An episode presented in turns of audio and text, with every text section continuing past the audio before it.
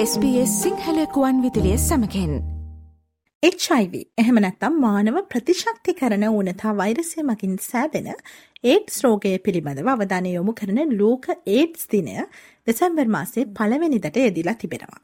ලෝක ඒඩ්ස් දිනය සනිටුහන් කරමින් SBS සිංහල ගුවන් විදුලියෙන් අපි කල්පනා කලා ඔබට වැදගත් සාකච්ඡාවක් අද දවසේ ගෙනෙන්නට. යම් කෙනෙක්ට HIV ආසාධනය වී ඇත්දැයි හඳුනාගන්නේ කොහොමද. ඒ වගේම යම් කෙනෙක් HIV ආසාතිතයෙක් බව හඳුනාගතහොත් ඔවුන්ට ඔස්ට්‍රලියාව තුළ ලබාගත හැකි උපකාර හා සේවා මොනවද. මේ කියන කාරණා සම්බන්ධව මේ සාකච්ඡාවේ මුල් භාගයේදී අපි වෛද්‍ය සුදේශී විජය තිලක සමග සාකච්ඡා කිරීමට බලාපොරොත්තු වෙනවා. ඒ වගේම යම් කෙනෙක් HIV ආසාදිතයෙක් වුවහොත් ඒ කාරණය ඔස්ට්‍රලියාවට සංක්‍රමණය වීමට උත්සාහ කරන ඔවුන්ගේ වීසා අයදුම් පතට බලපාන්නේ කොයි ආකාරයකින්ද. කියන වැදගත් කාරණය සම්බන්ධවත් සංක්‍රමණ නීති උපදෙස් ගෙන එන්නට සංක්‍රමණ නීතිඥ ඩිශ්නි ගල්කොටය අසමාන මහත්මිය වැඩසටහන අවසාන භාගයේදී සූදානමින් ඉන්නවා. ඉතින් මුලින්ම අපි සමග සම්බන්ධ වෙන්නේ නිව්කාසල්හි ජෝන් හන්ට රෝහලේ සේවය කරන වෛද්‍ය සුදේශි විජයතිලක මහත්මිය. අයිබෝන් කියල පිළිගන්න වෛද්‍යතුමේනි ඔබව අයිබෝන් අතිනි වෛද්‍යතුමනි මම මුලින්ම ඔබෙන් දැනගන්න කැමති යම්කිසි කෙනෙක් තමන්ට HIV ආසාධනය වී ඇති බවට හඳුනාගත හැකි පූර්ව ලක්ෂණ මොනවද? ඔව් අතිනි. අපි දන්න විදිහට HIV ආසාදනය වෙන වෛරසයක් මගින් එම වෛරසය ඇඟට ඇතුළත් වුනහම මුල දවස් 10 14 වගේ යද්දි සමහර කට්ටියට පොඩි ඇඟේ ලා උණ ගතියක් ඇඟපත රිදෙන ගතියක් ඒ වගේම ඉකිලිවල සහ කිහිලිවල කුද්දටි ඉදිමීමක් ඒ වගේ රෝග ලක්ෂණ සමහර අයට විතරක් දකින්නට ලැබෙනවා. ඒක හුඟක් වෙලාවට සාමාන්‍ය ලා ඇඟ උණු ගතියක් කියලා වෙන වෛරස් උණක් හැටියට ගණන් ගන්නත් පුළුවන්. මෙම රෝග ලක්ෂණ දවස් කිහිපයක් ඇතුළත ඉබේම නැතුව යනවා. හැබැයි එක දෙයක් තමයි HIV වෛරසය ආසාදනය වෙන හැම කෙනාටම මේම රෝග ලක්ෂණ එන්නෙත් නැහැ. ඊට පස්සේ අවුරුදු ගණනාවක් කිසිම රෝග ලක්ෂණයක් නැතුව සාමාන්‍ය විදිහට එම ආසාදනය වෙච්ච පුද්ගලයෙකුට කාලය ගත කරන්න පුළුවන්. අවුරුදු ගාණක් ගියාට පස්සේ ක්‍රමක්‍රමයෙන් මෙම HIV වෛරසය අපේ ප්‍රතිශක්තිකරණ පද්ධතිය ආසාදනය කරගෙන එම ප්‍රතිශක්තිය දුර්වල වෙනකොට පසුකාලීනව අපිට රෝග ලක්ෂණ එන්න පුළුවන් මෙම ප්‍රතිශක්තිකරණ පද්ධතියේ දුර්වලකම නිසා ඇතිවෙන.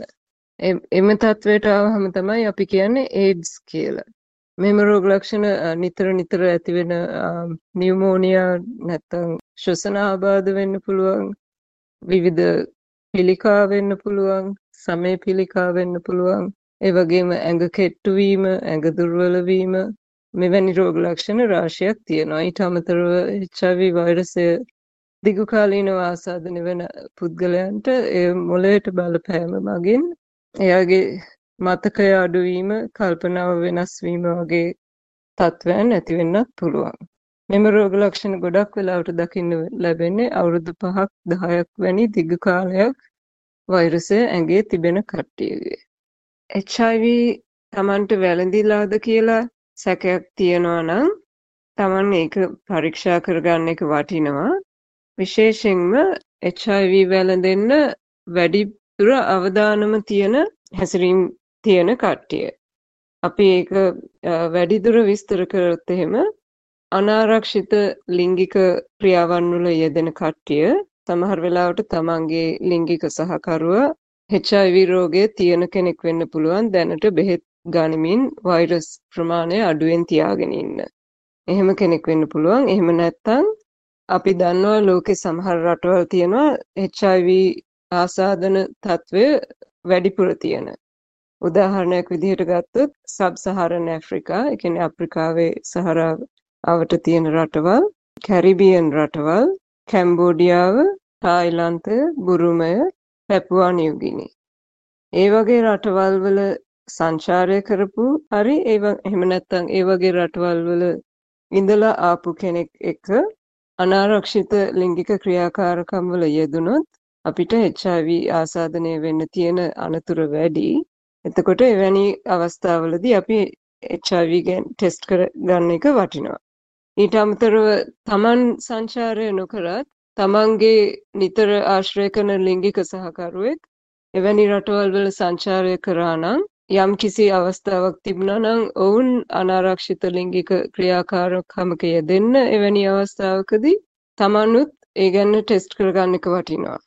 තුන්වැනි කාරණය තමයි එන්නත් සහ ඉන්දිකටු සහ සිරින්ජස් පාවිච්චි කිරීම විශේෂයෙන්ම මත්ද්‍රව්‍ය පාවිච්චියට වෙන්න පුළුවන්. එහෙම නැත්නම් වෙනත් කාරණාවකට එන්නත් හුවමාරු කරගන්නවා නම් වෙන කෙනෙක් එක්ක සහ ස්ටෙරිලයිස් කරපු නැති එන්නත් උපකරණ පාවිච්චි කරනවා නම් එවැනි අයත් HIV රෝගයට ආසාදනය වෙන්න තියෙන අනතුර වැඩි. මෙම අයත් ටෙස්ට් කරගන්න එක වටිනවා HIV වෛරසය Tamanට ඇවිල්ලාද කියලා දැන ගැනීමට. ඔව් අයිදිතුමනි ඔබ සඳහන් කළ කුමන හෝ ආකාරයකට යම්කිසි කෙනෙක්ට සැකයක් ඇති වුණොත් Tamanට HIV ආසාදනයක් ඇත්තැයි ඔවුන් කොහොමද HIV සඳහා පරීක්ෂාවක් සිදු කරගන්නේ. අපි මේ ගැනත් සාකච්ඡා කරමු. ඔව් දැනට තියෙන ප්‍රධාන ක්‍රම දෙකක් තියෙනවා. එකක් තමයි Tamanගේ පවුලේ වෛද්‍යවරයා හම්බ වෙලා ඒ ගැන කතා කිරීම. දෙවෙනි ක්‍රමය තමයි sexual health clinics කියලා තියෙනවා හැම ප්‍රාන්තයෙම වගේ. එවැනි ක්ලිනික් එකකට තමන්ගේ වෛද්‍යවරයාරවා රිෆරල් එකක් යවලා එවැනි ක්ලිනික් එකකින් පුළුවන් ඒ ගැන කතා කරන්න. කරන ටෙස්ට් වර්ග ගත්තොත් ටෙස්ට් ක්‍රම තුනක් තියෙනවා. එකක් තමයි සාමාන්‍ය විදිහට ලේ අරගෙන කරන ලේ ටෙස්ට් එක. ඒ ටෙස්ට් එකෙන් ප්‍රතිඵල එන්න සාමාන්‍යයෙන් දවස් 3ක් විතර යනවා. ඊට අමතරව තව තියෙනවා ඉක්මනින් ප්‍රතිඵල ලබා ගන්න පුළුවන් ටෙස්ට් එකක්. ඒක කරන්න පුළුවන් Tamanගේ කෙලවලින් හරි එහෙම නැත්නම් ඇඟිල්ලට පොඩි ඉදිකටුවකින් විදලා ලේ බිඳුවක් අරගෙන ටෙස්ට් කරන්න පුළුවන්. ඒකට කියනවා රැපිඩ් ටෙස්ට් කියලා. ඒකෙදි විනාඩි 10ක් 20ක් වගේ ඇතුළත ප්‍රතිඵලයක් ගන්න පුළුවන්. හැබැයි මේ ටෙස්ට් එක 100%ක්ම නිවැරදි නැහැ. ඒක හින්දා මේ ටෙස්ට් එකෙන් මොන ප්‍රතිඵලය ආවත් බ්ලඩ් ටෙස්ට් එකකුත් කරන්න කරන්න කියලා තමයි නිර්දේශ කරලා තියෙන්නේ. තව ටෙස්ට් එකක් තියෙනවා මේ ඇඟිල්ලෙන් විදලා ගන්න ලේ ටෙස්ට් එකම තනියෙන් Tamanගේ ගෙදර කරගන්නත් පුළුවන්. ලේ බිඳුවක් ඒ ටෙස්ට් කිට් එකට දාලා ඒකෙන් විනාඩි 15ක් විතර ඇතුළත ලබා ගන්න සෙල්ෆ් ටෙස්ට් එකකුත් තියෙනවා HIV වලට. දැනට ඔස්ට්‍රේලියාවේ අනුමත කරලා තියෙන එක ටෙස්ට් එකක් විතරයි. ඒක කියන්නේ Atomo HIV self test කියලා. ATOMO HIV self test. එම ටෙස්ට් එක Tamanට ගෙදර කරගන්න පුළුවන්. එම ටෙස්ට් එක පොසිටිව් නම් තමන්ගේ පවුලේ වෛද්‍යවරයා හම්බ වෙලා ඊගාවට ගන්න පියවර ගැන සාකච්ඡා කරන්න ඕනේ. මේ ටෙස්ට් එක කරන්නේ කොයි වෙලාවෙද කියන එක යම්කිසි කෙනෙක් තමන් දන්නා විදිහට අර අපි කලින් කියපු විදිහේ අධි අවදානම් ක්‍රියාකාරකමක යෙදුනොත් ඊට පස්සේ පුළුවන් ඉක්මනට ටෙස්ට් එක කරගන්න එක වටිනවා. හැබැයි එක දෙයක් මතක තියාගන්න ඕනේ පළවෙනි පැය 24 ඇතුළත තමන්ගේ ඇඟේ වෛරසය තිබුණත් ටෙස්ට් වලට ඒක අහු නොවෙන්න පුළුවන්. ඉතින් ගොඩක් වෙලාවට වෛද්‍යවරු නිර්දේශ කරනවා දවස් කීපයක ගැප් එකක් තියලා ටෙස්ට් එක දෙවරක් කරගන්න කියලා පළවෙනි පාර කරපු ටෙස්ට් එක නෙගටිව් වුණොත්. මොකද පොඩි chance එකක් තියෙනවා වෛරසය ඇඟේ තිබිලා ටෙස්ට් එකට ඒක අහු නොවී තියෙන්න. ඒකට අපි කියනවා false negative කියලා. ඉතින් මේ false negative එකක්ද නැද්ද කියලා දැනගන්න තමන් එක්ස්පෝස් වෙච්ච රිස්ක් එක වැඩි නම් ගොඩක් වෙලාවට දෙවෙනි ටෙස්ට් එකකුත් අපි නිර්දේශ කරනවා. ඊට අමතරව අපි එවැනි ටෙස්ට් එකක් කරලා ප්‍රතිඵල එනකන් අපි ආරක්ෂිත ලිංගික ක්‍රියාකාරකම් වල යෙදීම සහ ඉදිකටු සිරින්ජස් හුවමාරු කිරීමෙන් වැළකීම වැදගත් අපි ටෙස්ට් එකේ ප්‍රතිඵල හරියටම දැනගන්නකම්. කලින් මේ අවුරුද්ද වෙනකන් මීට කලින් තිබුණේ මෙඩිකෙයා තියෙන පුද්ගලයන්ට විතරයි නොමිලේ මෙම ට්‍රීට්මන්ට් සහ ටෙස්ට් ලබා ගන්න පුළුවන් කියලා. ඒත් 2021 වර්ල්ඩ් ඒඩ්ස් ඩේ එකේදී ඔස්ට්‍රේලියාවේ ආණ්ඩුව පොරොන්දුවක් දුන්නා මෙම ඒඩ්ස් ප්‍රතිකාර සහ ටෙස්ට් කිරීම නොමිලේ ලබා දෙන්න. දැන් මේ අවුරුද්දේ ජුලයි මාසේ ඉඳලා මෙඩිකෙයා තිබුණත් නැතත් ඕනෑම කෙනෙකුට නොමිලේ HIV ටෙස්ට් කිරීම සහ HIV ප්‍රතිවෛරස බෙහෙත් ලබා ගැනීම නොමිලේ කරන්න පුළුවන්.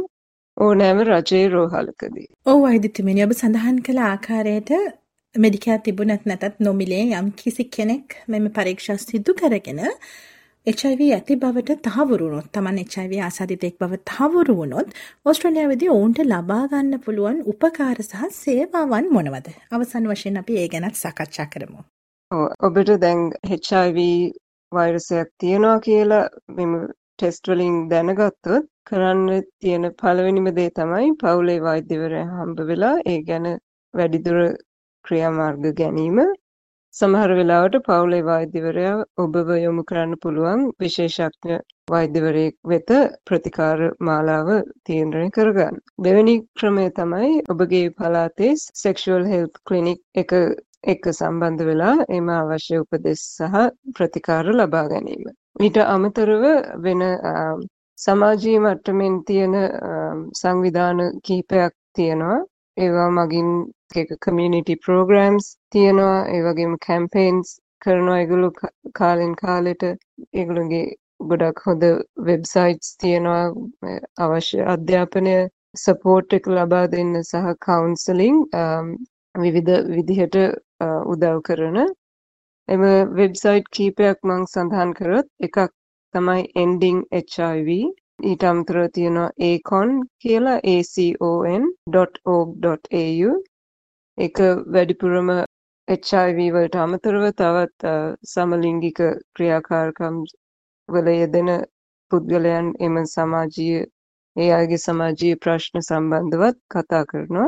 ඊට අමතරව AFAO කියලා තියෙනවා Australian Federation of AIDS Organisation. තව තියෙනවා National Association of People with HIV Australia. ඊට අමතරව Youth Solutions එය HIV හෙපටයිටිස් සහ අනිත් ලිංගික ආශ්‍රිත රෝග සම්බන්ධයෙනුත් විවිධ උපදෙස් සහ තොරතුරු එම වෙබ්සයිට් වල අඩංගු වෙලා තියෙනවා. ඉතින් මේවා මගින් අපිට ගොඩක් විස්තර ලබා ගන්න පුළුවන්. ඊට අමතරව මෙම සංවිධාන වලින් කරන දෙයක් තමයි මෙම HIV අනිත් ලිංගාශ්‍රිත රෝග සම්බන්ධව තියෙන සමාජයේ තියෙන කළු පැල්ලම පුළුවන් තරම් දුරට අඩු කරලා එයත් සාමාන්‍ය රෝගයක්.